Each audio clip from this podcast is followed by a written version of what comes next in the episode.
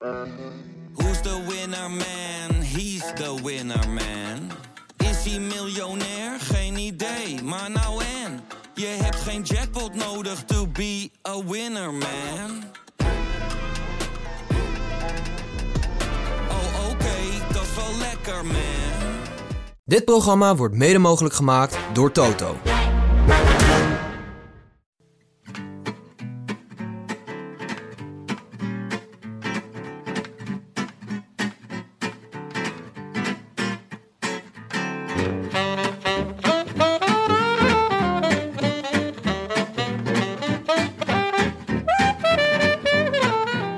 Het is maandag 28 februari 2022.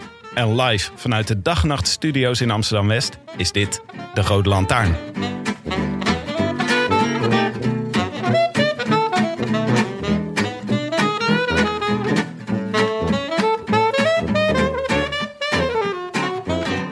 De Vlaamse winterzon verwarmde de harten van het volk dat uitgelopen was om de omloop te aanschouwen. Sinds oktober had het volk geen fatsoenlijke maaltijd meer gekregen. De amuses in de vorm van veldritten en Olympische afstanden werden gretig verorberd, maar konden de honger niet stillen. Nu er dan eindelijk een bord koolhydraten werd opgediend, ging het volk er eens goed voor zitten. En het eten was voortreffelijk. De fantastische winnaars van het openingsweekend haasten zich niet alleen naar de finish, maar ook na de finish om te zeggen dat de koers slechts bijzaak was en dat hun gedachten bij Oost-Europa waren. Waar vrijheid niet zit in het zonder mondkapje over straat kunnen, maar in het überhaupt over straat kunnen. Als er van een straat nog sprake is. Een bijzaak is het, zoveel is waar. Maar wel een schitterende bijzaak. Die ons dit weekend behalve afleiding een schitterende koers met dito-winnaars opleverde.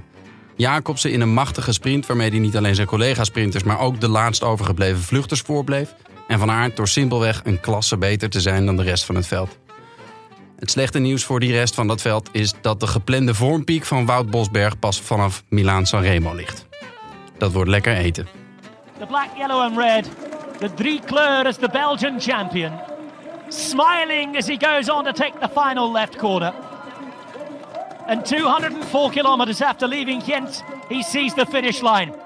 But there's nobody else in sight because Wout van Aert has blown the peloton away on day one. Not for 42 years has anybody turned up here on day one of their season and ridden away to victory. From 1980 and Joseph Bruyère to 2022 and Wout van Aert. Victory for Jumbo Visma. A win for Wout van Aert. Played one, won one. This man is unstoppable. I wish I could be in the south of France. In the south of France. Sitting right next to you. Frank, Wauw. Benja, Tim. heel mooi. Het is, eh, ja, we zijn hier met z'n drieën, want eh, Jonne is eh, door eh, corona geveld. Ja. En jij zat, eh Benja, jij zat eh, één minuut geleden zat je nog met een stokje, die had je tot het plafond van je hoofd geduwd. Nog even in je wel neus. ver, hè? Ja. Jeetje, mine. Ehm, ja, negatief. Vooralsnog. Ja, we gaan, dit gaan we live meemaken. Ja, wordt spannend. Als u opeens niks meer hoort, zijn we in quarantaine. Dan gaan we gewoon weg. Maar eh, nee, ja, eh, mooi, eh, mooi dat je het voorlezen nog gewoon zo professioneel doet. Terwijl je toch in zulke onzekerheid verkeert. Ja, nou ja, maar dat is mijn vak, hè? Ja, eindelijk een script.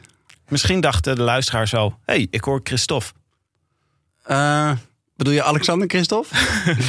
Nee, je hebt toch, eh, je hebt toch eh, de stem van Christophe gedaan uit, eh, uit Frozen? Ja, dat klopt. Ja. Ja, nou, misschien, ik denk luisteraars met kinderen die denken... Ja, Huh? ik heb geen idee wie dit is. ik heb Ja. geen kinderen. Heb je nooit Frozen gezien, Frank? ja, waarom zou je ook? Als je volwassen bent. Nou, mm, Is het leuk of niet? nou, Is, is, zijn wel, Dis, is Disney, Pixar, Disney. veel? ja.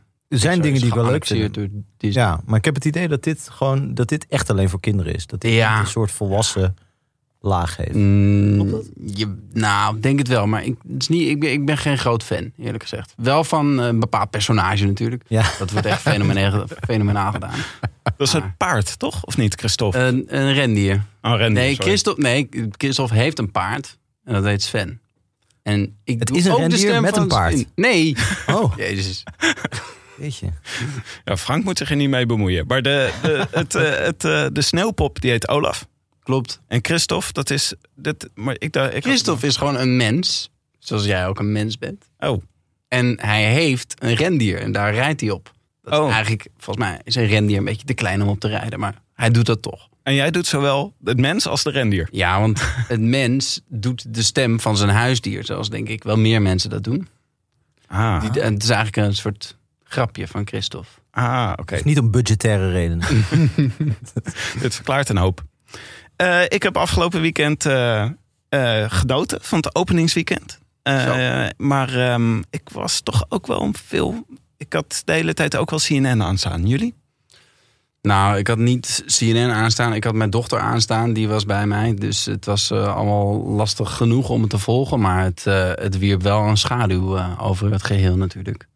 Ja, Dat best, is, eh, best moeilijk om het, eh, om het niet te relativeren. Want ik dacht ook van, ja, als ik het de hele tijd ga relativeren... dan is er natuurlijk geen bal aan wat ik aan het kijken... Tenminste, de, koers. De, koers. Als ik de koers ga je de relativeren. oorlog te relativeren. Dan Oh, is er ik- geen bal meer aan. Ik had nog... eh Jon is natuurlijk eigenlijk onze Rusland-expert. Ja, Dus ik dacht, nou Jonne, die kan ons wel even wat, wat duiding geven. Ja. Dus ik had nog aan hem gevraagd of hij nog een... eh, hij, zit, hij zit weliswaar in quarantaine, maar is wel gewoon aanspreekbaar. En eh, nou, de enige reactie die hij wilde geven is dat eh, het erg prettig wonen is in Kiev. Of, hij was een paar keer geweest.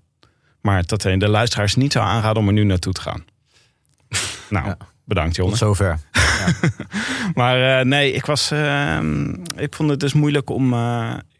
het is moeilijk schakelen als je de hele tijd met een soort derde wereldoorlog in je hoofd bezig bent. Ja, Om, dan, is- eh, om dan wielrennen te gaan kijken. er zit iets lastigs in wielrennen. En dat heb ik al vaker ook eh, altijd als ik zo'n column schrijf over wi- wielrennen of, of voetbal, maakt niet uit. Iets actueels. En er is er in datzelfde weekend of in die week iets heel ellendigs gebeurd. Ik kan me dat herinneren ook. De periode van de Bataclan, dat was ook op vrijdagavond. Dat Hmm. was ook het hele weekend. eh, was dat is natuurlijk van een andere orde. Maar toch was dat ook een, eh, eh, zat dat ook in ieders hoofd dat weekend. Dat je dan toch een beetje de, het verzonnen belang van de koers opeens heel duidelijk ziet. Ja, dat weet je ja. natuurlijk wel. Maar op een gegeven moment krijgt het iets potsierlijks om dan je heel erg te gaan opwinden. Of misschien wel iets pervers om ervan te genieten, zeg maar. Ja. Terwijl er ergens, eh, nou ja, enzovoort. Maar ja, dit geldt natuurlijk altijd. Ik bedoel, nu is dit heel erg aan de hand. Maar de, de, dus de, de hele dag zo extreem veel ellende. Het, dat het altijd iets wonderbaarlijks heeft. Dat je gewoon eh, naar iets volkomen fictiefs. Ja. eh, als het belang van een wielerwedstrijd gaat zitten kijken. En volgens mij zit daar juist ook natuurlijk de kracht. Dat je dus dat even vergeet. Eh, dat heb ik vanochtend geprobeerd uit te leggen. Dat er gewoon dat het natuurlijk geweldig was wat Van Aert en Jacobsen deden door zich zo uit te spreken. En best wel eloquent en intelligent ook. En heel snel naar de race. Maar dat het juist ook gaat om die momenten dat volgens mij het in hun hoofd en ook even in mijn hoofd er niet was. Zeg maar. Dat is hun bijdrage aan de wereld. Eigenlijk wel, ja. Even ontsnappen. Het Ja. is eigenlijk een, eh, ons favoriete escapisme in het weekend. Ja, Dus- ja. zoals heel veel eh, dingen die je voor, eh, zeg maar alles wat leven de moeite waard maakt, is natuurlijk een vorm van escapisme tot op zekere hoogte. Maar het was inderdaad wel waard dat Van Aert en eh, Jacobsen, die begonnen, die zeiden gelijk van, eh, ja, eigenlijk eh, doet mijn overwinning er niet toe, want ik zit met mijn gedachten bij eh Oekraïne. Ja.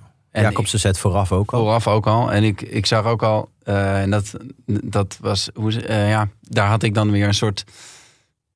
Ik zag hem in verschillende interviews dat doen. En dan op een gegeven moment, dus het gaat even over de koers. Maar ik wil ook even zeggen dat het, dacht ik, oh ja, om dat punt te, te maken, moet je dat natuurlijk bij elk interview dat je doet, moet je dat weer, Ja. eh, weer doen. En weer met eenzelfde eh, toon. Je kan niet eh, op een gegeven moment denken van ja, oh ja, en trouwens, ik wil ook nog even zeggen dat het allemaal heel erg is. Je moet de, die serieuze, ernstige toon. Dus ik dacht, het zijn ook een soort acteurs eigenlijk. Ja. Ja, ja. Want Ja. je kan het niet iedere keer, die emotie kan je niet iedere keer van binnen halen. Zeg maar. Bij de vijfde keer dat je zo'n interview doet. Ja, als Krijgt het Omroep iets, eh, Brabant, dan denk je, ja. nou ja, goed, eh, Ja, maar stel je voor dat je het één keer niet doet. Dus dan één keer noem je het niet. En dat is precies het interview wat een aantal mensen zien. En die zeggen dan, ja, hij zegt helemaal niks over Oekraïne. Wat een gevoelloze... Ja, zouden mensen dat echt doen? Zou, zou je echt, als, als nu, eh, weet ik veel, iemand gewonnen had, een of andere jonge renner die zo ervan vol van was. Want dit zijn natuurlijk jongens die al zo vaak gewonnen hebben dat ze dat gevoel wat beter kennen. Maar als het voor iemand vol- volstrekt overweldigend was geweest, zou je dan het hem kwalijk nemen als hij, eh, als hij alleen maar blij was geweest? ehm, nee, Nee, ik denk het niet. Nee, want hij is, hij is de escapist. Ja, En eh, ja. Ik ook helemaal niet. Maar het is, eh, zijn wel mensen die dat wel doen natuurlijk. Die het ook eisen van hun sporters dat ze zich ook uitspreken.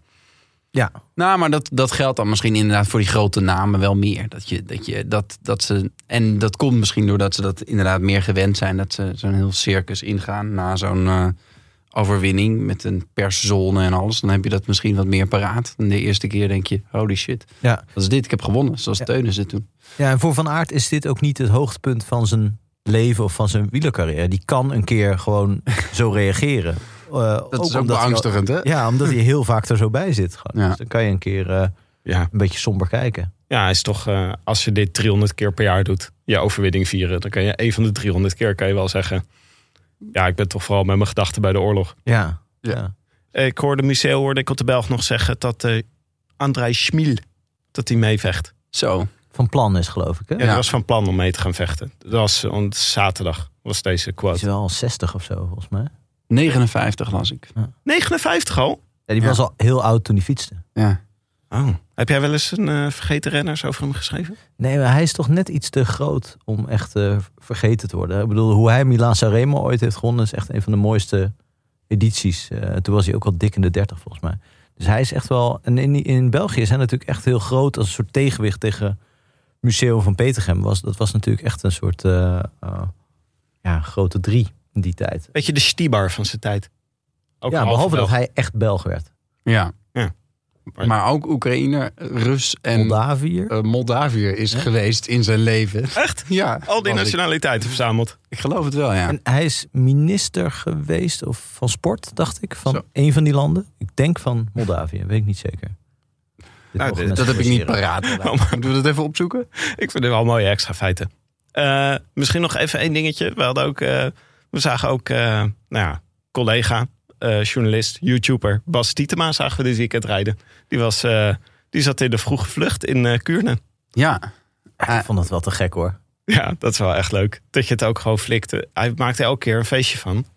Dan denkt hij gewoon, ja, dan ga ik nu ook in de vroege vlucht zitten. Ja, hij, hij zat wel, hij zat in de vroege vlucht, maar hij ging ook vroeg de vlucht weer uit. Dat eh, moeten we dan wel weer eh, bekennen. Hij zag gewoon dat ze het waarschijnlijk op, tot een paar honderd meter van de streep zouden uitzien. Ja, ja, ja, ja, was, hem, precies. was hem te min. Dit gaat hem niet worden. Nee, maar dit is toch ongelooflijk. Het is iemand die een half jaar geleden nog nauwelijks fietste. Dus die puur op volgens mij een soort basis van vroeger en, en een heleboel talent eh, het profpeloton inkomt. Als dit bij de, bij de vrouwen zou zijn, dan zouden er heel veel mensen zijn die Oh zeggen, ja. "Z- dit zegt wat over het niveau. Maar Ja, dat kan je natuurlijk hier echt niet. eh, Nee, hier kan je kan je weinig bij- over het niveau eh, kan je zeggen. bij de vrouwen ook niet doen, maar dat wordt dan vaak wel gezegd. Maar hier is dit echt, ja, dit is, dit, ik vind het echt uitzonderlijk. Ja, ik ben benieuwd wat hij, eh, Nou. hoe die ons nog meer gaat vermaken. Ik vond wel een leuke reactie van Michael Bogert. Ik zag Marijn de Vries, eh, die twitterde hierover. Die zei, knap zeg, van Bas dat hij dan bij de vroege vlucht zit. En toen zei Michael Bogert, meen je dat nou? Maak je een grap? Ja, maak je een grapje? Ja, ik vond het een groot nummer. Eh, Oh ja. Daar droop eh, de, het sarcasme wel vanaf, ja. Zat een beetje te grote woorden, gebruikt ze er misschien voor. Maar Ja. dat, eh, Michael, Bo Michael Bogert was niet heel erg onder de indruk van de vroeg, vroeg, vroege vlucht. Ja, ik weet niet. Zat hij ooit in de vroege vlucht in Kuurne? Heeft hij Kuurne ooit gereden? Heeft de Kuurnoot gereden? Dat Nee, weet ik hij, was, hij ging op een gegeven moment de Ronde van Vlaanderen rijden. Want hij is natuurlijk ook een beetje zo'n romanticus die dan eh, Ja. toch daar gewoon ook het wilde proberen. En toen kwam hij redelijk ver. Toen is hij volgens mij twee keer top 10, rond de top 10. misschien wel, ja. Dat vond ik ook, dat vond ik, dat nam me, ik was al redelijk voor hem ingenomen, maar dat nam me nog meer voor hem in toen. ja. Hij is ook toch super allround. Want eh, we hebben het vaak over het groepje eh totaal wielrenners. Zeg maar alle Philippe en eh, Mathieu van der Poel en Wout van Aert. Maar Michael Bogert was ook wel een vroege totaal wielrenner, toch? Die kon het allemaal wel. Nou, Wat kon hij echt niet? nou Sprinten? sprinten, sprinten was, was, was moeizaam. Eh, eh, en nou, echt over die steentjes dokkeren, zeg maar, Parijs-Roubaix, heeft hij wel echt nooit gedaan. Denk ik. Ja, tegelijkertijd kan ik me, lijkt het me sterk dat Van der Poel ooit vijfde wordt in de Tour. Wat Bogert natuurlijk is gelukt. Ja. Eh, bij Van Aert zou ik dat nog niet durven uitsluiten. Goh, nou ja, Die kan hem ook die nog daarop richt. ja. Oké, laten we het over de koers hebben. Ehm, ik was, eh, het duurde me teleurstellend lang voordat de livebeelden kwamen zaterdag. We gaan het natuurlijk over de omloop hebben. En eh, ik zat echt al heel vroeg klaar. Eh, Ja. ja, ik dacht, vroeg? eh, ik ga de hele dag kijken. Had je niet de gids erbij gepakt eh, wanneer de uitzending begon? Ja, jawel, maar ik dacht, ik had gewoon in mijn hoofd, ik ga echt de hele dag kijken. Ik wil ook het begin zien. Ja. Dus ja, ik ging vrolijk om 11 uur, of wat was het, om half half elf klaar zitten. Dat was super mooi weer, man. Ja, ja, de, ja, nou ja, de uitstekende reden om binnen te zitten en koers te kijken, zou ik zeggen. Waar? maar eh, en ik wilde graag, eh, ja, ik leefde heel erg met jou mee, Frank. Want jij veugt je je natuurlijk dit seizoen vooral op het eerste aangezicht van de Haaghoek. Ja. Maar eh, vo- volgens mij toen ze begonnen met uitzenden, waren ze al Waar is het dan voorbij. voorbij? Ja. En ze komen er geloof ik nog wel een paar keer langs. hoor. Ik denk dat ze in de drieprijs wel dat nog een keer doen. Kunnen we- kan me zo voorstellen. Nou ja, over de omloop gesproken. De Haaghoek het is natuurlijk jammer. Maar goed, ik bedoel, je kon nog de muur en de Bosberg meepakken. Wat ook niet mals is. Nee. Maar ik dacht, ik ga vooraf even een stukje fietsen. En op het verste punt van mijn rondje had ik een lekke band. En ik had niks bij me. dus toen ik thuis kwam, eh, zag was ik net eh Colbrelli eh, tweede worden. Nee, dat weet je niet. Ja, Oh, ik was toen, nou het was helemaal niet zo ver. Ik was iets voorbij Kokkengen. Dus dat is een klein rondje van, weet ik veel, 45 kilometer of zo van, eh, vanaf mijn huis. Maar het is, het is een stuk minder eh, klein rondje als je opeens moet lopen. maar ben je teruggelopen Nou, ik ben teruggelopen. Ik was met mijn vriendin. En, op van eh, die schoentjes? Of was je op eh, een- nee, ik was op, eh, op mijn gymschoenen. Oké. Maar eh, eh, ik, had dus, ik ben langs een fietsmaker in Vleuten geweest. Dus nog, eh, eh, ik weet niet of ze Eh. Annemiek van Vleuten? Of? Ja, die komt uit Vleuten, hè? Dat is toch een groot Ja. detail. Ja, serieus. Nee. Ja. Dan ben je niet. Oké. Nou, Dat is toch fantastisch? Ja, zij, Ik komt echt nog uit, zij komt echt nog uit de middeleeuwen, dat haar achternaam. Annemiek. ouder dan. Annemiek of House Fleuten. Ja, Annemiek van Vleuten samen met, eh, met Valverde is eh, 80. ja, dat werd, werd tegen haar gezegd Ja. dat ze gewonnen had. En Ja. toen keek ze een beetje van, wat bedoel Ja. je nou mee? Ja. Ja, maar wat, kan mij dat nou schelen? Nee, ik moest er nog aan denken dat Van Vleuten was eh, gewoon weer super dominant. Natuurlijk in de vrouwenkoers op haar 39ste. Ja. Maar eh, Gilbert is ook 39. Die wordt echt een beetje behandeld als eh, totale over de heel bejaarde. Die ook nog een ererondje mag meerijden. Ja. Oh, wat leuk. Gilbert gaat even in, eh, in beeld rijden, zegt ze dan. Dat is de grote Gilbert. Ja, ja. ja. beetje- Zou hij nog iets kunnen dit seizoen? Vorig jaar was het niet veel soeps, hè? Nee. Nee, het is, ik vind het ook wel. eh, het heeft wel iets eh, romantisch, vind ik, als, als van die renners die echt ooit de beste van de wereld waren. Dat is inmiddels elf jaar geleden of zo dat hij zo waanzinnig was. Eh, ook nog die hele downfall meepakken. Ja. Ja. Dat vind ik eigenlijk wel, wel de moeite waard. Dat zie je bij. Nibali, zie je dat ook. Froome heeft- is natuurlijk... Nou, Froome, eh, Froome doet wel echt daar een, Ja. een uiterste poging. ja, alleen is bij Froome een beetje pijnlijk dat het echt door die val... eh, Ja. dat dat een beetje zijn carrière heeft... eh, ja, volle, dat- dat, dat het min of meer is opgehouden, het presteren. Ja, en is de, is de, dan is het, het pijnlijk eigenlijk dat hij er zo lang zelf nog in gelooft, of niet? Ja, Want als je nou gewoon lekker gaat rondrijden en wegkapitein bent en, eh, en een beetje geniet van het vak. Ja, maar als hij, dat, als hij dat zou zeggen, dan zou hij nooit die, dat contract hebben gekregen wat hij nu gekregen heeft. Nee. Volgens mij is hij de beste verdienende wielrenner, toch? Ja, maar het is een goed uithangbord natuurlijk voor die ploeg. Dat je gewoon een serieuze ploeg bent, dat Froome naar je toe gaat. Ja, Ja. Vind, vind je dat nou een goed uithangbord? Ja, weet ik niet. ik geloof niet dat het voor hen heel veel goed heeft gedaan eigenlijk. Maar we hebben met eh, Israel Cycling Nation hebben we daardoor toch heel erg het gevoel dat het een soort bejaardentehuis van het wielrennen is. Ja, Ja, maar die maken het ook wel elke keer weer waard. Wa- waard. Want Vogelsang is er nu weer naartoe. Eh, het is echt al die oude types die gaan erheen, toch? Ik vind het wel mooi ook. Want het is ook gewoon een, een, iets in de maatschappij waar we best wel wat meer aandacht voor mogen hebben. En dat, dat laat zeggen. De vergrijzing. Ja. ja, ja, ja. Op een gegeven moment zijn alle wielrenners boven de 40. Het is eigenlijk een wonder dat Gilbert niet bij Israel Cycling Nation Ik denk dat hij volgend jaar eh op Gewoon een driejarig contract krijgt. ja, ja, waarschijnlijk. Maar Benja, wanneer heb jij eh, ingeschakeld? Goh, ehm, nou, ik heb het wel. Ik zat al op, het, eh, op de, de ticker van Sporza. Zat ik, eh, zat ik het te volgen. En, eh, maar ik had. Ik, ik, ik, kijk, ik vervang eh, Jonne vandaag. Dus het het stond niet eh, op mijn eh, allerhoogste prioriteitenlijstje. Dat wil zeggen dat ik geen vrij geregeld had. Ik was, ik was gewoon met mijn kinderen. Gelukkig sliep mijn zoon ongeveer de hele koers lang. Oh, zo. Ehm, is een talentje. Ja, echt heel schappelijk van. Ook wel fijn dat die vrouwenkoers na de, eh, Ja. na de mannenkoers Ja, die nog eh, eindigde, wat dat betreft. Ja, jij wel. Ehm, maar ehm, nee, dus, dus ik heb het wel allemaal. Ik heb het de hele tijd op, op, eh, op staan gehad hebben. Hier kom ik grammaticaal niet meer uit. Nee, maar kies uw eigen werkwoorden. Maar, ehm, Eh, ja, dus ik heb het wel vanaf het begin kunnen zien. Maar ik was ook Monopoly aan het spelen. Dus ik was de hele tijd eh, de Bosberg aan het kopen. En ehm, dat soort dingen. Het, het ging niet helemaal goed. Eh, mijn dochter heeft gewonnen. Maar, eh, Oh ja, je was de gewone Monopoly aan het spelen. En toen, eh, Ja. toen waren, hadden wij op WhatsApp waren we daar even over aan het praten. Zeiden ze eigenlijk wel leuk zijn, hè? Koersmonopoly. Dat Dat bestaat. bestond. Dat bestaat. Ja, ja, daar kwam, ik bedacht me ook, terwijl we dit aan het verzinnen waren, dit briljante idee, dat ik het in de kast heb staan. Koers Monopoly. Dus eh, van, eh, met Roubaix en zo. En, Ja. eh, eh, volgens mij rondom de Ronde van Vlaanderen of zo uitgegeven. Nou, ik zal eens even opzoeken volgende keer. Met Alaphilippe en Evenepoel op de voorkant. Dus het is misschien een... eh, Ja. Dus Lefevre zit dat iedere avond Ja. eh, te spelen. Dan vergeet hij af en toe wat het bord is en wat zeg maar, het andere bord is, waar hij daadwerkelijk met flappen gooit. Maar wat ook wel onvertuinlijk was dan, Frank, is dat hij, eh hij finishte best wel vroeg, hè? Was gewoon, Ja, dat was problematisch. Ik dacht echt nog dat ik het zou halen. Uh, maar uh, uh, ja, rond een uur vier, denk ik, was het al, uh, was het al gebeurd. Ja, ik was ook verrast dat ik op een gegeven moment dacht... hé, hey, maar het is nog 30 kilometer en dat gaat toch best wel snel. dat het, ja. Dan denk je van, oh, ik heb nog lekker uh, twee uur koers om te kijken. Ja, dat als Van Aert meedoet, dan is het gewoon een uur eerder binnen. ja, dat blijkt. Maar het was niet eens een heel snel schema hoor, wat ze gereden. Het was, uh, dat viel mee. Nee, dat is gewoon de nieuwe planning. Ik vind het super, want dan op die manier ben je toch meer geneigd, of ik in ieder geval, om, om de vrouwenkoersen ook te volgen. En hoe meer je het volgt, hoe leuker het wordt. Dus dat is. Ja. Oh, dus dat speciaal voor de vrouwenkoers? Dat de ik denk het wel. Finishen. Oh, ja, ja want als hij ervoor is, dan, dan overlapt dat en zo. Dan, dan, uh... In de ronde is dat ook, toch? En... Ja. Oh ja.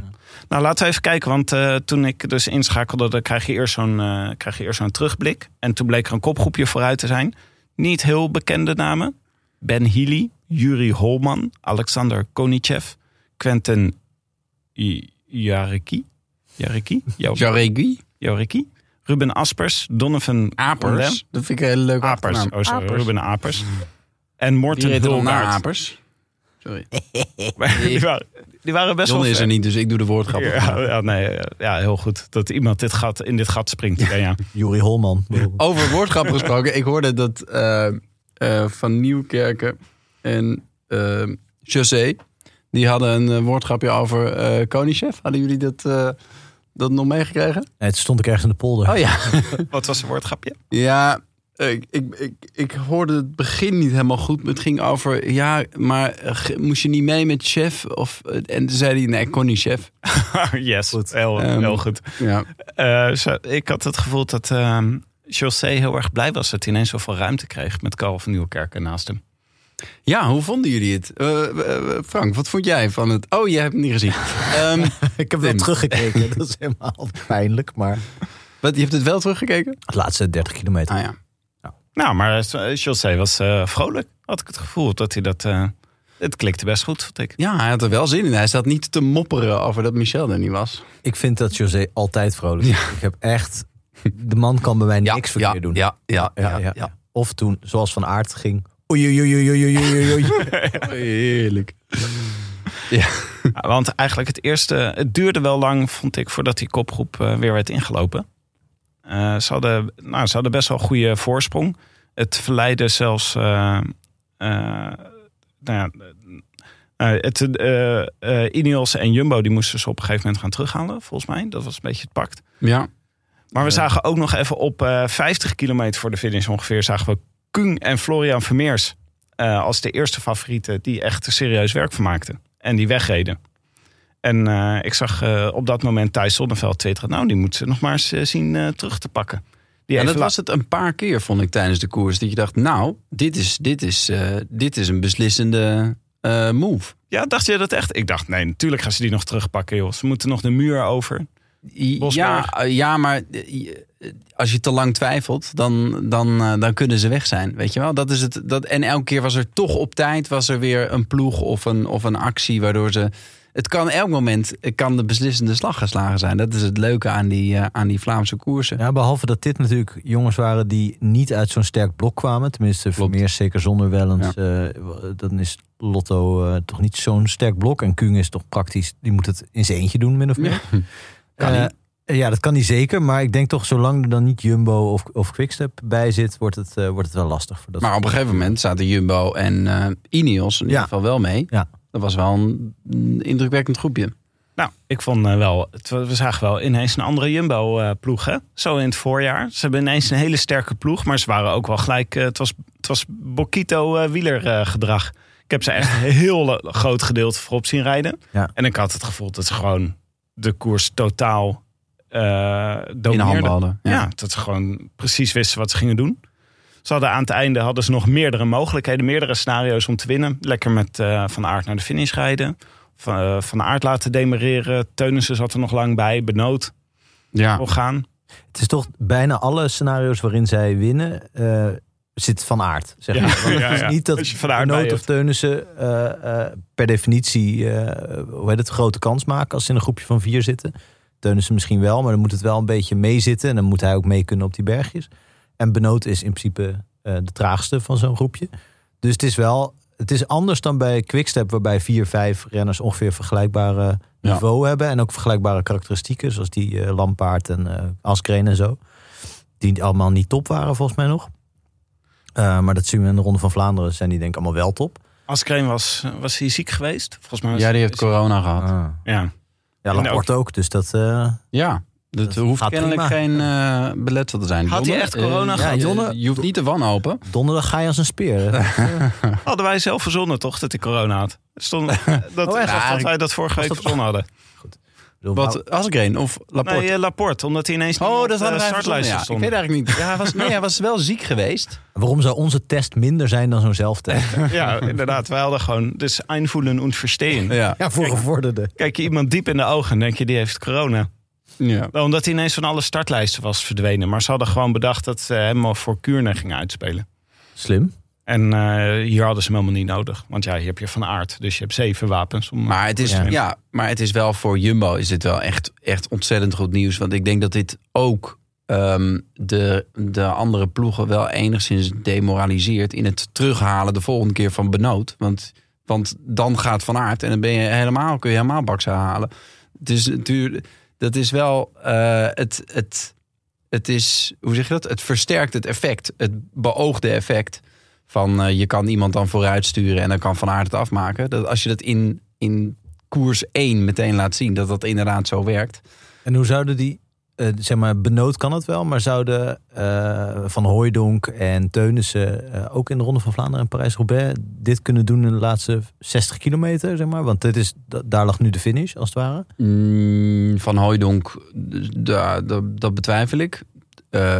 Teunissen heeft al meer kans. Die, is, die, die viel mij een beetje tegen. Hij heeft wel eh, niveau laten zien wat hoger is dan, eh, dan dit. Ja, En eh, ja, goed, de Ronde van Vlaanderen en Parijs-Roubaix is natuurlijk het allerhoogste niveau. Daar zitten alle kleppers op hun top, als het goed is. Maar als Teunissen op zijn top is, dan is hij toch wel hij erg heeft in. Parijs-Roubaix natuurlijk wel eh, uitslagen gereden ook. Dus Ja, ja, of in ieder geval goed gedaan. Ja. Maar goed, dat was dan in het, in het, eh, in het bos van Valais. En dat is wel nog vroeg natuurlijk. Maar eh, ja, ik denk niet dat hij, dat hij kansloos is om zo'n koers te winnen. Dat denk ik niet. Ik denk niet dat hij slecht was hoor, zaterdag. Hij had gewoon pech dat hij kwam in het peloton op een gegeven moment te zitten. Je kreeg een kopgroep en daar zaten Benoot en Van Aert in. Dus dan gaat hij niet het gat dichtrijden. Nee, maar uiteindelijk mist hij wel ook die, dat eerste peloton, toch? Ja, maar dat, volgens mij kwam dat door dat was een beetje, het was een beetje spelen met eh, Van Aert en Benoot op een gegeven moment. En die, zaten, die kwamen dus in de kopgroep terecht. En toen kreeg je een peloton, niet heel ver achter, een minuut of zo achter. Daar zat Teunissen de hele tijd in. Maar ja, Ja. die ging dat niet meer dichtrijden. Benoot vertelde overigens, dus die sprong, eh Benoot sprong op eh, 30 kilometer voor de finish of zo. Toen was, eh, daar lag de muur. Eh, de, kapel, eh, de kapelmuur, de muur van Gerardsbergen. Kapelberg. Weet ook weer. Ja. Kapelberg, de muur van Gerardsberg. De muur van Gerardsbergen. Ja. Zo noemen we hem. Toen sprong eh eh, Benoot sprong weg, eh, vlak voor de muur. En die reed daar in zijn eentje tegenop. En dat is wel pittig met al die, met, eh, met eh, nou, onder meer eh, Van Aert erachter. Ja. Maar dat deed hij omdat eh, hij dacht, ja, eh, iedereen gaat tegen Jumbo rijden, tegen Van Aert. Dus iedereen gaat wegspringen en ik kan niet in mijn eentje iedereen terughalen.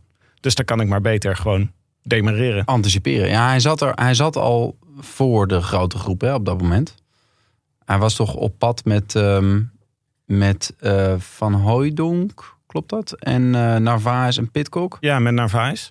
Die En over- Colbrelli, die reed daar naartoe. Toen, dat was ook een moment dat ik dacht, ja, wie gaat dit nu nog terughalen? Colbrelli, een van de favorieten. Twee man van Jumbo. eh Pitcock en een eh compaan. Ja, dan moet, dan moet Quickstep dus gaan rijden. Ja, Ineos ook eh, niet slecht hè. Voor, eh, ik dacht ook ineens goede klassieke ploeg. Met uh, Narvaez goed. Ja, Ja, geweldige leuk, man. Ja. Echt leuk. Die komt dan uit Ecuador, wat is het? Ja, En dan gaat hij, hij een beetje huishouden op die, op die eh, Hij, wa- steentjes. hij was vorig jaar al zo goed natuurlijk. Toen was hij echt in de Kuurne Kuurne. Toen reed hij met Van der Poel mee. Ja. Tot eh, vlak voor de streep. En Toen was hij eigenlijk minstens zo goed als Van der Poel. Want Ja, ja. Alleen bij, ja, dat, en op de een of andere manier vergeet je dat dan een beetje weer. En dan nu komt hij naam weer boven. En denk je, Ja. jezus, wat goed man. En dan denk je, oh ja, hij was er ook nog. Maar het is niet per se iemand die je opschrijft voor de finale, toch? Nee. Waarvan je denkt, Nee. nou, die ga ik wel opschrijven voor de voorspelbokaal voor de Ronde van Vlaanderen of zo. Nee. Ik hoorde, de, gaan we wel naar Kuurne, maar ik hoorde Van de Hoorn zeggen dat hij, eh, eh, toen ze naar de streep gingen met z'n drieën, met, eh, met Narvaez en eh, Laporte, dat hij zei, ik, weet, ik weet zeker dat ik door hun allebei geklopt word. Dus blijkbaar is in het peloton ook wel eh, bekend dat, dat je van die Narvaez... eh, Ja, maar hij is ook best snel afkomt. namelijk inderdaad. Met, eh, volgens mij heeft hij wel eens in, eh, in zo'n Italiaanse rittenkoersje, niet de Giro. Eh, heeft hij trouwens ook wel eens een etappe gewonnen, maar dat was solo. Maar heeft hij ook wel sprintjes gewonnen volgens mij. Dus op zich... eh, Prima om hem naar de Giro als Italiaanse rittenkoersje te refereren. Je moet ze ook niet groter maken. hè, ze zijn. We kunnen ook de Tour voortaan dat Franse rittenkoersje noemen. ja, vind ik wel goed. Maar Benoot, eh, dat had natuurlijk niet veel zin. Want die werd, eh, dat gat werd wel heel snel dichtgereden op de muur. Ehm, het lag er heel mooi zonnig bij. zo. Dat was ook het moment waarop ik dacht... misschien is het wel een beetje, zijn de omstandigheden een beetje te makkelijk vandaag. Ja. Dit wordt sprinten, want eh, het is gewoon niet, niet te doen om weg te rijden... als het zo mooi weer is en iedereen er nog bij zit en niet heel zwaar is. Er zijn altijd twee theorieën. Hè? Dus mensen zeggen met mooi weer, dan hebben er heel veel zin in. Dus dan gaat het heel snel en dan wordt het massasprint. Want heel veel kunnen dan mee. En je hebt de theorie van, oh ja, het is lekker weer. De goeie hebben er zin in. Ze beginnen er vroeg aan en het wordt één groot slagveld. Ja. Volgens mij, je kan het altijd precies zo draaien zoals het uiteindelijk uit. Ja, ja, ja. Ja, maar hier was het eh, nog, het was nog, de muur was geweest en het was nog eh 30 kilometer te gaan of zo. Toen dacht ik, nou, niet heel veel ruimte meer om veel te doen. Eh, maar toen was eigenlijk bij de, bij de, vlak voor de Bosberg eh, sprong eh, Van Aert weg. Gewoon aan de linkerkant. ja. Ik vond het wel heel casual. Dacht Ja, ik echt ja, zo van... eh, Maar ook echt een onverwachte... Ik had het zeker niet daar verwacht. Eh, eh, zo vlak voor de Bosberg. Ja, maar het is een rotstuk. Hè? Dat werd overal gezegd. Dat, dat asfalt is heel slecht en zo. Ja. En volgens mij loopt het wel een beetje zachtjes bergop. ja. Je zag ook gewoon van als je daar zelf fietst, dat je gewoon bijna niet vooruit komt. Zij gaan er dan wel met 40. Ja. Maar het, ik vond, het, het zag echt zo soepel, vooral ook op die kasseien. Want het ligt er altijd behoorlijk kloten bij. Ja. Hoe hij daar door hengste, Ja. hoe, hoe, hoe, die, eh, hoe dat ritme ging van die benen. Zo. Dat was echt ongelooflijk. Maar dachten jullie niet, rare actie van Wout van Aert om dit nu te doen? Want hij was duidelijk nog de beste sprinter die in die groep zat. Ja, Had Colbrelli weet je nooit natuurlijk. Eh, Colbrelli wint toch nooit de sprint? Die wint alleen maar bergetappes. Ja, precies. dus, maar- hij dacht, ja, het gaat nu ook even bergop. Dus ik moet, misschien was hij aan het anticiperen. Omdat hij dacht, ja, die Colbrelli is zo sterk bergop. ja. Ehm, nee, maar ik had het ook niet verwacht. Want ik dacht, ja, als, als je gewoon benood hebt, daar, dan- die kan de gaten dichtrijden. En dan, eh, maar ja, als je de sterkste bent. Ik bedoel, het, is altijd, het lijkt mij leuker om, om solo aan te komen. Dan kan je nog een mooi vredesgebaar maken. Heb je een beetje tijd om eh, met je vrouw en je dochter te knuffelen voordat het peloton aankomt. Zo'n toch? Zoon, George. George. George. Klopt. Ja, heel mooi. Hij, ging ook, hij was zo relaxed na de finish. Ja, Dat was echt gewoon zo van... eh, ik heb net een stukje door het park gelopen. hey George, daar ben ik weer. niet normaal. Ja, maar ik- dat was toch de conclusie. Dat hij gewoon echt veel te goed was. Ik denk dat hij dat ook door had gewoon voor de Bosberg. Dat hij denkt, ik ben gewoon veel sterker dan de rest. Ja, of dat hij misschien ook... eh, hij is natuurlijk ook een geweldige tijdrijder. Dus nu dacht hij gewoon... ik heb verschillende manieren om dit af te ronden. Nou, ik ga eerst eens even kijken of deze methode werkt. Ja. Ik ga gewoon... Ik eh, sluip gewoon weg. Kijken of er iemand achter me aanrijdt. Niemand reed achter hem aan. Niemand sprong in zijn wiel. Nou, jawel. Daar tenminste niet in, eerste instantie, maar Kampenaerts. ja. Die de hele dag al eh, bij elke val- valpartij had hij weer een bebloede elleboog. Of eh, moest hij Twee weer lekke banden. alle hands aan dek eh, om, eh, om terug in het peloton te komen. En die was op het eind, was hij nog, leek hij toch wel de tweede man in koers qua, qua power, toch? Hij is echt een soort druistige belofte geworden. Leuk vind ik dat. Want hij was ook, wat was dat, anderhalf seizoen geleden of zo had hij in de ronde van België, dat hij helemaal stuk ging Achter in het wiel van Evenepoel. Ja. En eh, ja, dat had ook wel iets aanmächtigs dat je denkt, jezus man, je zit in het wiel En eh, je wordt er gewoon uitgereden. Dat, is, dat had iets sneus. En nu had hij een beetje diezelfde, zo van... Eh, eh, eh, eh, eh, Maar dan achter Van Aert aan. En dan maakt het toch wel een stuk meer indruk. Dan was het wel... En vervolgens is hij, eindigt hij ook nog kort in de, in de sprint van de ploeg. Ja, hij zat niet stuk, hè? Want hij zei ook nog, achteraf zei hij... nou, je kreeg dus de situatie dat Van Aert was weggereden. En in de achtervolging zat volgens mij eerst Kampenaert, daarna Hausler Ja, en Ja. daarna Pascalon. terwijl het mooi weer was. Dus wat houdt Ja, wat houdt die, waarom die überhaupt was opgestart. niet. Maar dacht ik, dat zijn misschien ook niet de beste om het gat dicht te rijden. Maar achteraf bleek dus, eh, dan, als je de rest van de koers ook zag, hoe goed eh Kampenaerts was. Ja. Maar Kampenaerts besloot toen om te wachten. Die dacht, het is niet handig om in mijn eentje achter Wout van Aert aan te gaan rijden. Ik ga wachten. Oh, En toen, oh. ja, dus eh, Hij had het wel gekund. ja, hij vond het een verkeerde, dat hij een verkeerde keuze had gemaakt door te wachten. Ja, maar omdat hij gewoon niet op het wiel kon komen. Nee, Want Hij had precies. natuurlijk dolgraag met Van Aert naar de streep gereden. Ja, maar hij, pro- hij kwam dus even zo ertussenin te zitten. Ja. Chasse patat Ja, ja. op, de, op, de, op, de, ja. op de berg, op de heuvel. Mhm. Maar eh, hij, ehm, eh, nou ja, hij dacht, ik wacht op Hausler en Pascalon... en dan kan ik het gat misschien dichtrijden. Maar dat bleef de hele tijd 12 seconden. En, bleef, zeg maar, denk eh 5 kilometer 12 seconden. Ja, En toen ging Van Aert gewoon rustig het gat groter rijden. Het was ineens 19 seconden. ja. Toen dacht je, het is gewoon gedaan. Ook al zat er best grote groep achter. Ook met Cobrelli nog erbij. Ja, en die nog, die nog een hardrijder had. Of twee zelfs, voor hem toch? Ehm Wie zat erbij ook weer? Van, nou, Hausler en Moritz. oh ja, Mooi, ja. ja, die ook heel goed was volgens Ja, mij. die vond ik best sterk. Maar die, ja, die speelde gewoon de kaart eh Cobrelli uiteindelijk. Ja, maar het lukte ze niet om dat gat dicht te rijden. En dat verbaasde me toch wel een beetje. Dat ik dacht van, nou, ze kunnen toch wel iets dichterbij nog. Ja, het gekke is Komen. denk ik dat zij gewoon ook gedemotiveerd zijn. Omdat ze weten van als we hem terughalen, wint hij alsnog de sprint. nou, Denk je zou niet? het? Ja, denk ik eigenlijk wel. Ik denk dat alleen een gelooft mooie- dat hij hem dan kan verslaan. Ik denk dat al die anderen alsnog eh, bang zijn. En dat dat misschien wel twee keer zo vernederend is. Ja, ja, dat wordt de- zijn volgende ehm huzarenstukje, denk Ja. ik. Ja, dat hij dan zich laat inlopen. En dan alsnog, beetje zoals Asgreen vorig jaar de E3 won. Ja, inderdaad. Hij Ja. werd ingelopen en die poefde er toen weer vandoor. Maar ze waren dus gewoon allemaal al... eh, ze waren gewoon gecapituleerd eigenlijk. Ze dachten, het heeft toch geen zin om dit gat dicht te Ja, rijden. je, je ziet het wel vaker toch in die, in die Vlaamse koersen. Dat het, het is gewoon, ook al is het mooi weer en is het nog maar de omloop. En dus maar 200 kilometer, of wat is dat? Ehm, 196. nou ja, ongeveer. Ehm, eh, dat het, het is gewoon loodzwaar. Dus op het eind zijn de, degenen die het hardst kunnen rijden, dat zijn gewoon de beste in koers. Dus dan zie je vaak dat het, het is, het is geen terugkomwerk meestal, die, eh die kasseikoersen. Ja. Dus als iemand eenmaal weg is, dan is dat vaak de sterkste. Ja, en, maar nu dacht ik... Wat, wat vonden jullie ervan? Dachten jullie, eh, waren, jullie, eh, waren jullie blij dat het zich zo eh, ontwikkelde? Dachten jullie, mooie winnaar, mooie koers? Ja, ja, zeker. hoe kan je Van Aert nou geen mooie winnaar noemen? Ja, maar ik dacht op dit moment... Toen de manier waarop hij wegreed, dacht ik... Wie gaat hem de komende tijd verslaan? Nou, het is wel inderdaad, wat dat betreft, het is niet veelbelovend voor de strijd.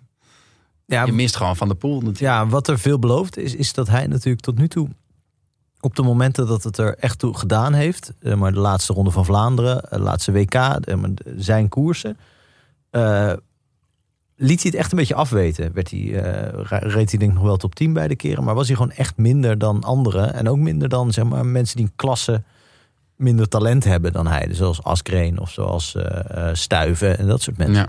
Dus het lijkt wel alsof hij toch, ondanks dat hij fantastisch is en zoveel wint, dat het voor hem en misschien ook voor zijn trainer of weet ik veel wat, lastig is om precies eh, die topvorm uit te kienen. Want vorig jaar was hij natuurlijk in het voorjaar, Ja. had hij het net niet helemaal. En dat was, eh, dat was bij het WK eigenlijk ook. Dat waren natuurlijk toch zijn twee grote doelen. Hij wil niks liever dan de Ronde van Vlaanderen winnen en wereldkampioen worden in Leuven. Dus dat, Ja. on- ondanks dat hij met afstand op dit moment de meest complete renner ter wereld is. En ook wel de beste, denk ik. Met Pogacar. Is, hij, eh, ja, is, het, is het op moment suprem niet altijd top. Ja, Dat is het enige wat je er nog over kan zeggen. Maar ja hij zei daar zelf over, beter. geloof ik, over het WK. Dat hij dus, toen heeft hij in de, in de ronde van, eh, in Engeland. Ronde van Engeland, heet Ronde dat zo? Groot-Brittannië. Ja, ja, zoals Wat, eh, dat hoe noemen we dat? Ja. Tour of Britain. Ehm, Tour of Britain, precies. Daar, daar won hij vier ritten en het eindklassement, geloof ik. En daarover zei hij uiteindelijk dat, dat, dat het mentaal ook heel veel kracht kost. En dat hij dus bij het WK fysiek nog steeds eigenlijk top was. Alleen dus mentaal ehm, niet meer helemaal top was. Dus, dus misschien zijn het niet zozeer zijn trainers, maar echt, echt zijn schema eigenlijk. Wat hem, wat hem nog, eh, waar nog winst zit. Ja, eh, maar hier, was hij, dus- hier zei hij dus van tevoren, nou, ik ben 80% hij kwam namelijk net van, 80%? van een hoogtestage. Nou, hij was nog niet helemaal goed. Ja. Hij was nog niet waar hij wilde zijn. Want hij kwam net van hoogtestage terug. En eh, we moesten ook nog niet, hij ging nog niet met mes op de keel rijden. Nee. Nou, en dan krijg je dit. Krijg je een mes in de rug. Ja, het hele peloton op een eh, hoopje gereden. Dus het was, eh, hij reed lekker naar de finish toe. Nou, het was wel echt eh, prachtig machtsvertoon hoor. Het is gewoon ook eh, wel heel erg leuk om te zien. Eh, van Aert kwam dus als eerste binnen en daarachter won Cobrelli nog de sprint. Ik had ook wel van Van? Greg. Van Greg. Ja, Wat superleuk is toch? Die we de hele koers niet hebben gezien. Ja, zijn nieuwe truc is dat dat. is hè? een nieuwe truc. Ja, die heeft hij eigenlijk. Hij was het- als renner het leukst toen hij nog niet won. Toen hij altijd vijfde werd. Ja, En je hem de hele dag zag. maakte hij de koers. Beetje Ja. Bogart-stijl. Iets slemieligs had het. Vroeger had hij dat. Had hij, eh, was, hij, was hij 60 geworden in de Amsterdam Gold Race, maar toch weer de koers gemaakt op de IJzerbosweg. Toch? ja maar dat was zeg maar anderhalf seizoen toch? Dat hij de hele tijd eh, wel de koers maakte, maar niet won. En toen had hij één seizoen waarin hij alles won. Ja. En sindsdien eh, zien we hem ook nog wel vaak. Maar wil het elke keer niet echt lukken. En nu was hij er ineens als een duveltje uit een doosje. Met die, eh, had van die lange witte, witte mouwen. Zag er Ja. wel mooi uit. Met die uh, AG Deuter. Ik Ja. dacht, eh, ze lijkt een beetje op de Israel Cycling Nation pakjes. Ja, daar eh, zou Greg ook langzaam... Groeit hij langzaam naartoe natuurlijk. ja. Oh, ja. Hoe En- lang heeft hij nog een contract bij eh, Citroën?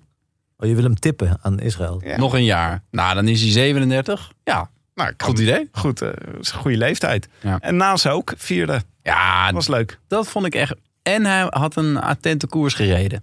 En hij was in Kuurne ook weer best eh, bij de pinken. Vond ik Ja. leuk om te zien. Ja, en eh, Laurent naast zijn broertje, die is gevallen Ja, in het begin. Hij is, geloof ik, zijn sleutelbeen gebroken. ja. Eh Kampenaerts werd vijfde.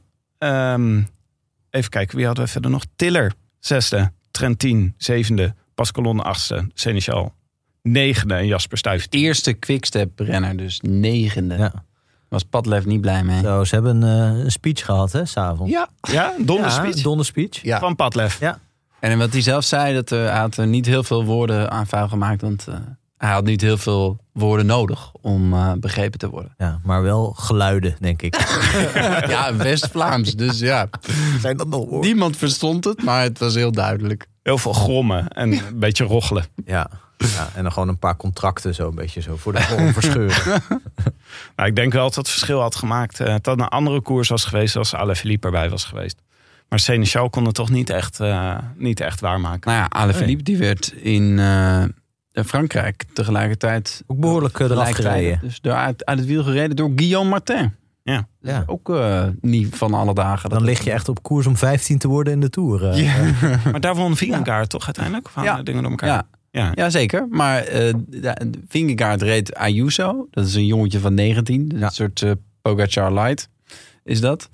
En dan had je, had je Guillaume Martin daarachter met Cosnefroid en Alaphilippe. Dus Alaphilippe en Alaphilippe light. En Alaphilippe super light, want dat is Guillaume Martin, denk ik. Oh ja. Die is echt, echt heel licht. En Allemaal- die reed uit het wiel. En eh Alaphilippe stond stil. Allemaal de schaduw van Alaphilippe. Maar dat, dit was dus gewoon op meerdere fronten was dit een hele slechte dag voor Padlef. Ja, Ja, Had denk ik ook niet buiten kunnen zitten. Nee. Had gewoon een hele vervelende dag. Alleen maar binnen gezeten. Wilde niet lukken op tv. Weet je wel. Dat is gewoon een kutdag. ja. Ja. Maar eh, ja, ik denk niet dat we ons zorgen hoeven ma- te maken over Quickstep, toch? Nou ja, nou ja. Dus Ze zeggen zelf ook, we hebben wel vaker de omloop gemist. Ja. Ik denk, ik denk dat het toch niet fijn is. Hij geeft ook niet voor niets een donder, donder speech, toch? Eh, de- het- het- hoe zeg je dat? De kansen zijn niet verkeken, maar het is geen goed signaal. Want in Kuurne winnen ze uiteindelijk. Het zag er ook Oh. niet top uit eigenlijk. Maar Was eigenlijk was dat omdat, omdat Jacobsen gewoon een ongelofelijke sprint eh, aflevert. Echt waanzinnig, ja. Het treintje lukte niet in Kuurne. Nee, maar ze waren al helemaal Je, opgesoupeerd. je zag daar echt nog wat mensen zo eraf fladderen op 15 kilometer Ja. van de finish of zo. De, gewoon renners waar je denkt, ja, die moeten eigenlijk tot de laatste kilometer dit kunnen volhouden. Ja, ja. Dus ook naar Kuurne is Padlef niet tevreden. Eh, misschien nog heel even leuk om... eh, eh, de vrouwenkoers was ook wel, eh, was wel mooi. Het was wel Nou, een heel mooi Frank. finish, hè? Vertel. Ja, ja, ik, zat er, ik zat helemaal klaar voor. Toen ben ik gaan douchen. Nee, nee het was, eh, dat was echt... Kijk, die, die sprint was natuurlijk ongelooflijk. Eh, ik heb zelden zoiets gezien. Maar het, zat daar, het zat daarvoor natuurlijk al dat, dat er een kopgroep van vier, denk ik, met Van Dijk was. Waarvan iedereen zei: dit, dit is gewoon de beslissing. En die lagen ook redelijk ruim voor. En dat Van Vleuten dan gewoon het helemaal solo, een beetje van aard-stijl, recht zet. Met, eh, met Vollering in de wiel. Eh, met als eh, mooiste scène vond ik dat zo'n twee kilometer voor de streep, want ze reden in principe gewoon dat groepje voorbij daarna. Dat, dat Van Vleuten dan Vollering probeert de kop op te dringen, of in ieder geval nog een beetje mee te laten werken, omdat daarachter al, alles was samengekomen. En de eh, Belgen weer voor Lotte Kopecky. Ik heb altijd idee dat er één Vlaamse is of Belgische, waar dan heel erg voor ge- ge- gesupported wordt, die dan altijd met een beetje beteuterd gezicht eraan Paul van Nieuwkerk moet uitleggen waarom ze 63ste is geworden. Maar die rijden waarschijnlijk wel elders heel goed, maar altijd toevallig als ik kijk, net even niet. Eh, maar eh, nee, en de Vollering deed het echt ijskoud. En toen moest ik ook even denken aan het WK. Toen, ongetwijfeld, toen Vollering toch een beetje centraal stond in een tamelijk eh, eh, problematische Ja. eh, ja, equipe. Eh, eh, er werd een beetje gesuggereerd alsof zij een van de schuldigen was. Maar er waren een aantal die, Ja. eh, die, zei, die zeiden, nou, aan mij heeft het niet gelegen. En zij had volgens mij door dat zij dat niet kon zeggen van zichzelf. Eh, het was hem ook een beetje sneu, want die anderen zijn, hebben natuurlijk veel meer ervaring en zo. Maar toen, daar moest ik even aan denken toen Van Vleuten en Vollering weer op kop zaten. Dat ik dacht, ja, dat is Ja. toch een beetje een eh, gevoelige verhouding misschien. Ja, want ze Eh. vonden destijds dat Vollering eh, beter kopwerk had moeten doen voor, eh, eh, Vos. voor Vos. Ja. Om nog de Ita- het gat met de Italianen dicht te rijden. Ja. Naar de finish. En zij werd toen gingen ze elkaar allemaal de schuld geven in de media. Vijfde of zesde, of zij reed zelf in ieder geval ook nog een, een ereplek. Ja, dat namen ze haar vooral kwalijk. Dat ze Ja. dan nog vijfde of zesde, zo rond vijfde of zesde plaats kon eindigen. Ja, Ja. maar het was met name die sprint, hoe, hoe, hoe Van Vleuten dat deed... door een soort laatste bocht, eh, een binnenkant bocht te pakken. Heel gevaarlijk. En daarna ja, een soort krankzinnige sprint... waar, waar Vollering gewoon helemaal... eh, een Ja, het was helemaal geen sprint eigenlijk, toch? Het was gewoon, soort demarrage. ja, het was gewoon een hele lange, het was een mini-tijdrit. Ja. Heel lang, Ja. heel hard rijden. Het was een Ja. sprint van pakweg zeven kilometer. Nee, maar wel 700 meter bij wijze van Ja, spreken. dat ziet er bij Van Vleuten echt een beetje gek uit. Een beetje, eh, eh, terwijl je zou denken van... dit is een van de beste wielren, eh, vrouwelijke wielrenners die er ooit geweest is. Ja. Maar het ziet eruit zoals ik het zou aanpakken, zeg maar. Gewoon, eh, gewoon licht onhandig. Ja. Maar het gaat waanzinnig hard. Maar gewoon Vollering helemaal slopen. Waardoor ze niet zeg maar, haar topsnelheid kon gebruiken om van Vleuten voorbij te rijden. Ja. Was sowieso, SD Works was wel, eh, liet zich wel echt zien als, eh, als eh, hele dominante ploeg. Ja, die hebben alle goede, goede renners opgekocht bijna. Op, Ja. op één of twee na. Palmer Kopecky natuurlijk. Ja, Die, ja dat, is, dat is echt een, favoriet. een grote tip. dat zou ik altijd nemen. Oké, laten we dan ook nog even naar Kuurne, Brussel, Kuurne kijken. Kort. Dat was natuurlijk ook, ik vond het wel een heel leuke Kuurne. Dus, Zenuwslopend. ja, hè? Toch? Ja. Heerlijk. dat kwam Echt, door het dat kopgroepje is- natuurlijk, die vooruit waren. Eh, nou ja, het was eh, natuurlijk leuk eh, tot eh, Bas uh, Tietema, dat we die even in de vroege vlucht hadden gezien. Eh, maar we vooral, wat, eh, wat ons vooral vrolijk maakte, was Taco van der Hoorn. Ja. Weer met zijn glimlach gewoon. Ah, heerlijk. Hoe vermoeider die wordt, hoe groter die glimlach. Ja, dat is toch Is dat, een, is dat een glimlach? Grimas? Ja, het, is, het, het heeft ook iets van een zenuwtrek, volgens mij. Ja. ik vind hem, ik vind het echt, en hij heeft krijgt van die blosjes erbij. Dat vind ik ook leuk. Ja, maar hij heeft misschien zo'n brede glimlach dat hij gewoon meer zuurstof kan omzetten door die glimlach. Oh, En dat Weet je, dat sommige wielrenners zo'n pleister op hun neus hebben, heeft hij dan die glimlach. Ja, Ja. gewoon heel veel zuurstof tegelijk. ja, je weet dat hij dat in ieder geval wetenschappelijk heeft laten onderzoeken. Hij eh, laat niks aan toeval over. Nee, nee. Nou ja, hier dacht ik wel. Het is, dit hoort niet bij Taco van Hoorn. Dat hij net voor de finish werd ingelopen. Nee, slecht gerekend. Ja, die had dat natuurlijk even beter moeten uitrekenen. Dat hij, dat hij niet precies verkeerd uitkwam. Hij had precies goed uit moeten komen. Ja.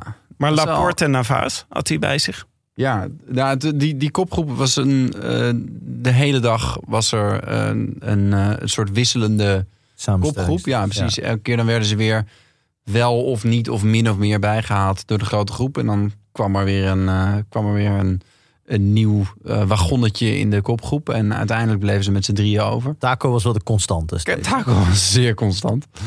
En eh, ja, eh, het, het, het was echt eh, zeg maar een dubbeltje op zijn kant. En elke keer dacht je weer, nee, dit gaan ze niet halen natuurlijk. Nee. En dan dacht je weer, nou, Ja. even. Maar eh, Jum- of, eh, Lotto en eh Quickstep hadden gewoon besloten van tevoren... dit gaat de sprint worden en we gaan ons treintje inzetten. Maar dat liep dus helemaal in het honderd... omdat die kop, kopgroep de hele tijd vooruit bleef. En eh, die hadden dus al hun knechten eigenlijk al opgesoupeerd... voordat het op sprinten aankwam. En toen werd het een hele mooie sprint. Want toen moesten ze dus eh, improviseren. En Jacobsen die dacht gewoon... ik gebruik die eh, drie koplopers als lead-out Ja. ik spring daar gewoon naartoe. Hij zei achteraf zei hij dat hij Ewan wel voelde aankomen en voelde dat hij topsnelheid had. Dacht ik, nou, Ewan die is zo klein, dat kan je toch niet voelen? Vergeleken met Jacobsen. maar die, was, eh, die kwam dus net tekort. En dat was voor het eerst in een hele lange tijd dat Jacobsen en Ewan tegen elkaar sprinten. Oh ja?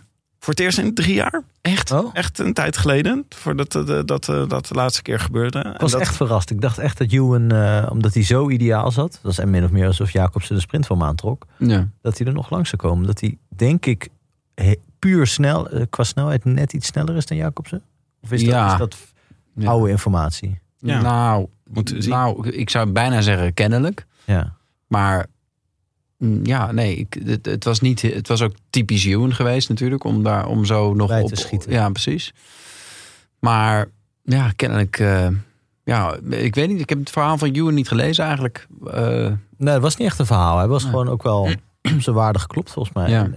Bij Jacobsen zie je een soort zelfvertrouwen... dat echt eh, Ja. redelijk onverwoestbaar lijkt nu. eh, Echt ongelooflijk. Ja. zo rustig. Ja, en, eh, en de manier ook waarop die, we hebben het al even over gehad, maar waarop die de pers te woord staat na afloop. Dat is echt gewoon, dit doe ik dagelijks. Gewoon eh, mijn, eh, Ja, twitterde Thijs Zonneveld niet dat hij van de laatste 16 massasprints waaraan hij had deelgenomen, Jacobsen er 12 gewonnen heeft? Wat toch ja. waanzin, voor een massasprint echt een waanzinnige eh, statistiek is. Maar ik denk eigenlijk ook dat de uitstraling voor een sprinter ook wel heel belangrijk is. Ook voor je ploeg. Dat je, je moet echt je ploeg wel op sleeptouw nemen. En ze moeten weten dat ze op jou kunnen rekenen. Ja. Maar dit was echt zoveel zelfvertrouwen. Ik denk dat als, eh, als Rusland ons gaat aanvallen, dat we hem als eh, soort Zelensky kunnen De inzetten. hulp van Heukelum. Ja. Maar hij was, ehm, even kijken, eh, Jacobsen 1, Ewan 2, Hofstetter 3. En uiteindelijk Taco van der Hoorn tiende. En eh, Laporte ging ook gewoon nog mee sprinten. Dat moet ik ook nog. ja, ja. Deed nog wel zijn best. Hij, ze, ze, ze leken wat, eh, wat eh, snelheid te verliezen.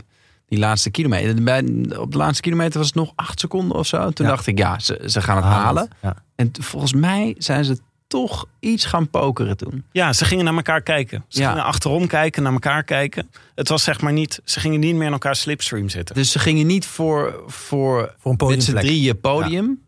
Maar ja, ook in die zin logisch. Dat, dat eh, ja, die andere twee weten gewoon dat Laporte dan wint. Dus het is een beetje... Dan ben je ook een beetje de, de, de klungel die dan het niet begrijpt. Ja, aan de andere je- kant, podium, Horen- podium Kuurne is toch echt een eh, hartstikke mooie Ja. prestatie. Dat was zo goed ook bij dat interview van Van der Hoorn na afloop... dat hij dus echt teleurgesteld was. En niet alleen dat ze nog waren ingehaald... maar dat hij gewoon zei, ik had gewoon een uitslag willen rijden. Ja, en, ja. en- want hij heeft tot op zekere hoogte nog een uitslag. Top 10 in Kuurne is natuurlijk goed. Maar zowel hij als Narvaez en Laporte zijn denk ik echt wel... komen tekort voor de eh, klassiekers. Maar zijn hierin, in dit soort wedstrijden echt wereldtop. Dit is natuurlijk echt een groot doel voor dit soort mensen. Ja. Dus wat dat betreft is het ook wel begrijpelijk dat hij dan eh, teleurgesteld is. Want in de Ronde van Vlaanderen is in de kopgroep zitten het maximaal haalbare. Ja, hier kan hij gewoon winnen. Ja. ja misschien. Ja. Of podiumrijden. Of in elk geval. Dat Ja. is toch ook al meer dan hij heeft gepresteerd. Ja. Eh, Ja, mooie, mooie Kuurne, mooi openingsweekend. Laten we nog even kijken naar de voorspelbokaal. Die ging over de omloop natuurlijk. 19 mensen hadden het goed. Wij niet. Dat Ehm, was jammer.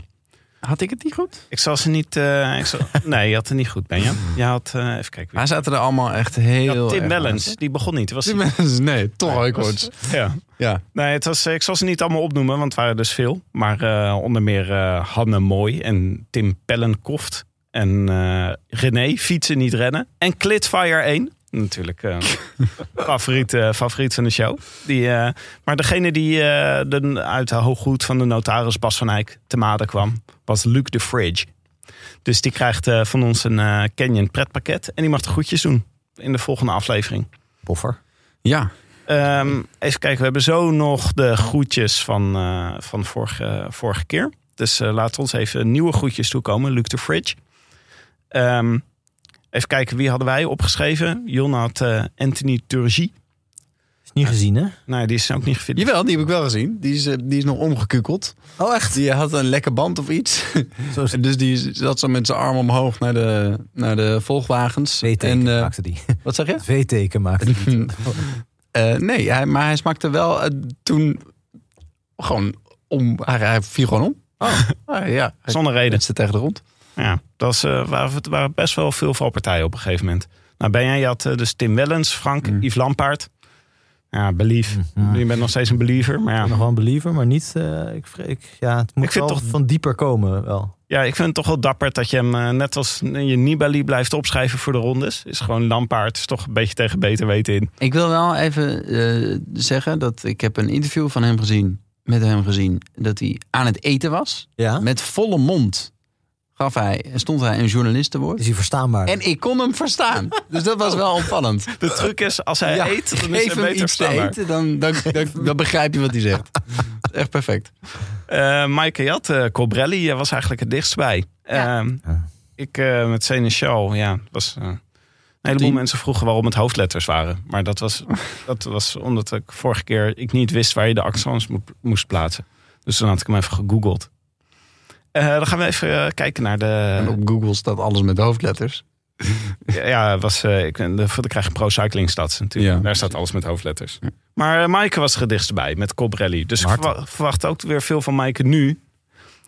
Want we gaan eh, vooruit kijken naar de strade die aanstaande zondag is. Dat is natuurlijk een van de mooiste, mooiste koersen. Eh, 63 kilometer witte grindweggetjes in Toscane. Het is bij elkaar... Oh, even kijken, dat heb ik heel klein opgeschreven. 184 kilometer. Eh, finish natuurlijk op het prachtige Piazza del Campo in Siena. Vorige week, eh, vorig jaar was eh, Mathieu van der Poel, die reed Alaphilippe echt totaal de vernieling in, Och. in Siena.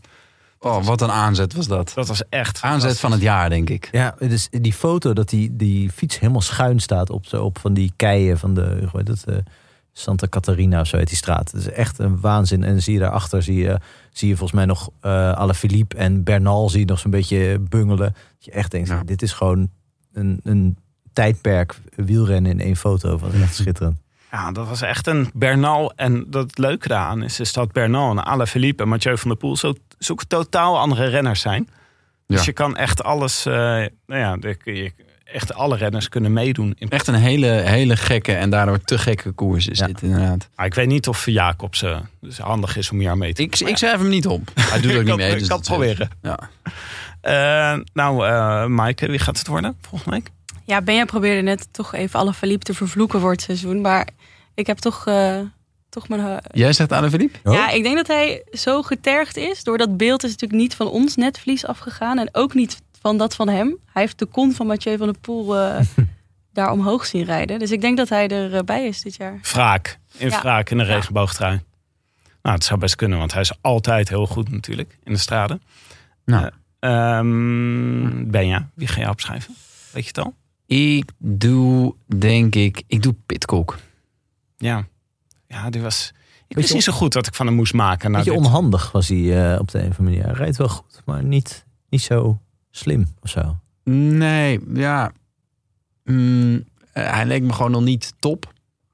Maar het kan wel snel gaan met hem. Dus ik hoop nu, eh, nu die eh, laag staat bij de boekies. Nou, weet ik niet of dat zo is. Ja, hij staat wel laag natuurlijk. Hij is klein. maar ehm, ja, misschien... nou, ik, ik denk, het is wel een koers voor hem natuurlijk. Ja. Ik bedoel, je moet redelijk kunnen sturen in deze koers. Je moet redelijk kunnen klimmen. Je moet redelijk kunnen aanzetten. Nou, hij kan alles. Ja. Hij zei dat hij dit weekend nog niet reed om te winnen.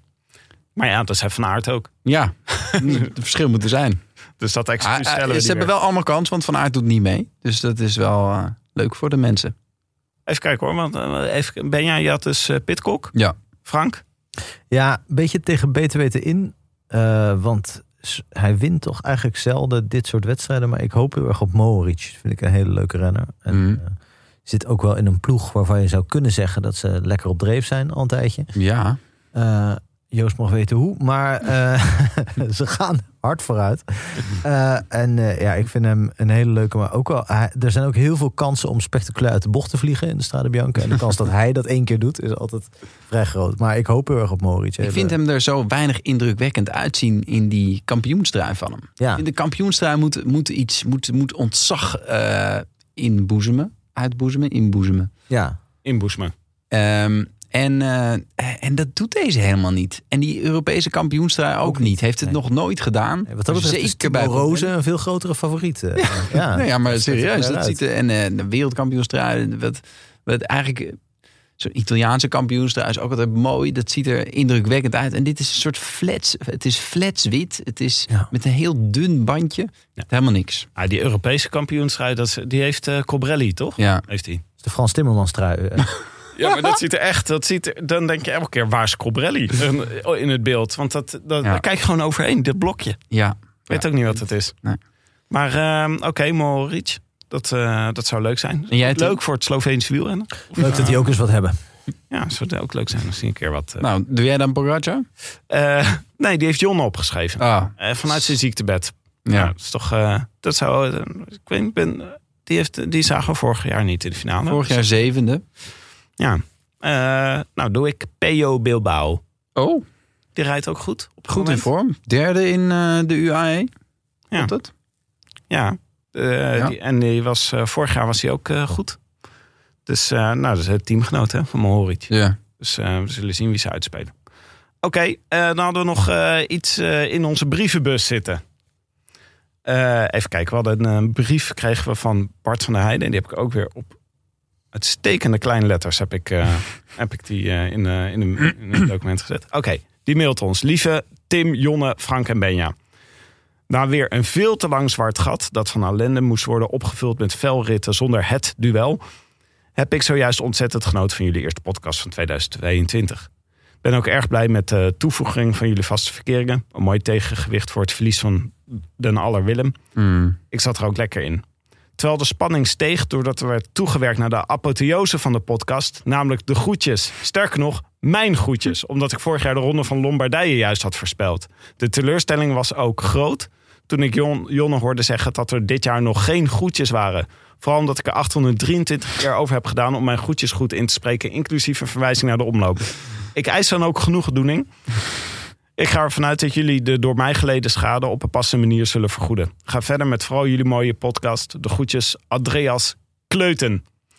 Ja, dat is natuurlijk dus Andreas apostrof Kleuten, hè? Ah, ik, ik denk dat, ja, Andreas apostrof Kleuten schrijft hieronder. Ja, is een, de Kleuten van Andreas. ja, dat is, dat is, dat is een grap, denk ik. Ja. Maar ja, als je, Zo mooi is als Bart van der Heijden de grap was.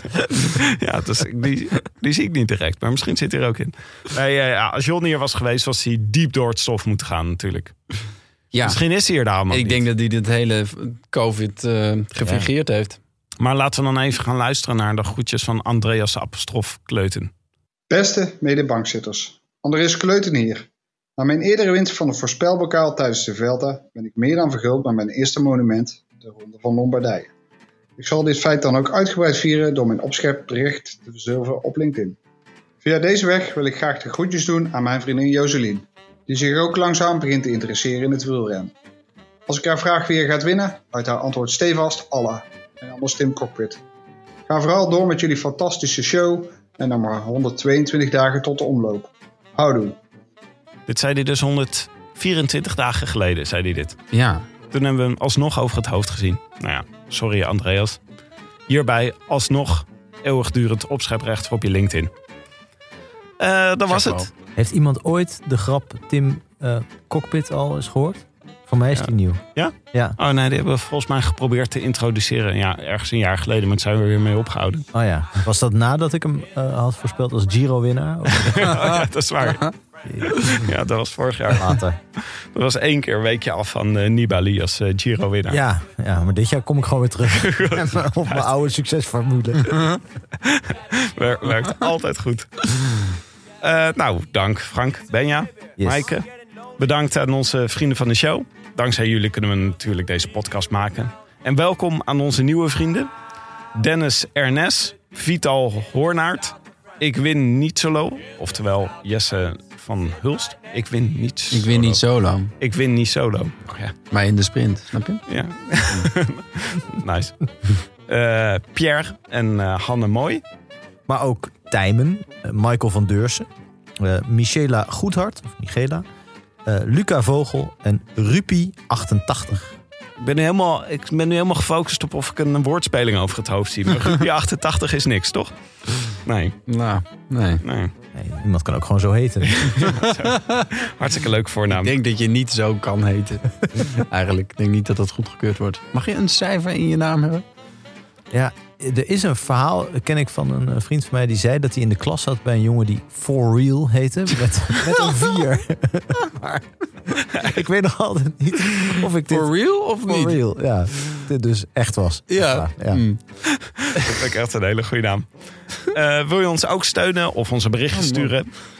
Websurf dan als de malle naar de rodelantaarnpodcast.nl. Dit was het. Eh, veel dank. Veel dank aan onze sponsoren Canyon en eh, A- Auto.nl. En natuurlijk onze heimaat, het is koers.nl. Wij zijn er weer aanstaande donderdag. Als Jonne weer beter is, hè Maaike? Met de verrassing. eh, ja, Jonne gaat met de, Met de Carcelara gaat hij op stap. Naar het zuiden. ja, de Cartelara. Natuurlijk onze auto van Auto.nl. Die eh, heel erg snel kan versnellen. Die richting Contador. Ja, wij kunnen nog niet zeggen. Ja, misschien is het Contador. Ja, zou leuk zijn. Misschien is het wel Valverde. Of Joaquim Rodriguez. Het is in ieder geval iets in die categorie. Denk explosief. Oké, tot dan vrienden. A biento. Doei. Biento. A biento. A biento. Ben jij, je hebt het toch nog niet helemaal natuurlijk, de A biento. Wat, ik, Nee, ik deed gewoon... Nou, dat was over echt. Heel goed, heel goed. Dat één jaar op zijn bord krijgt. Frank die, die, die wijkt af van het script. Oh, ben je aan? De Ja. COVID-test. Eh, ja, ehm, Ja? nou, eh, ik zie eh, één streepje bij de C van... Dat betekent corona. Nee!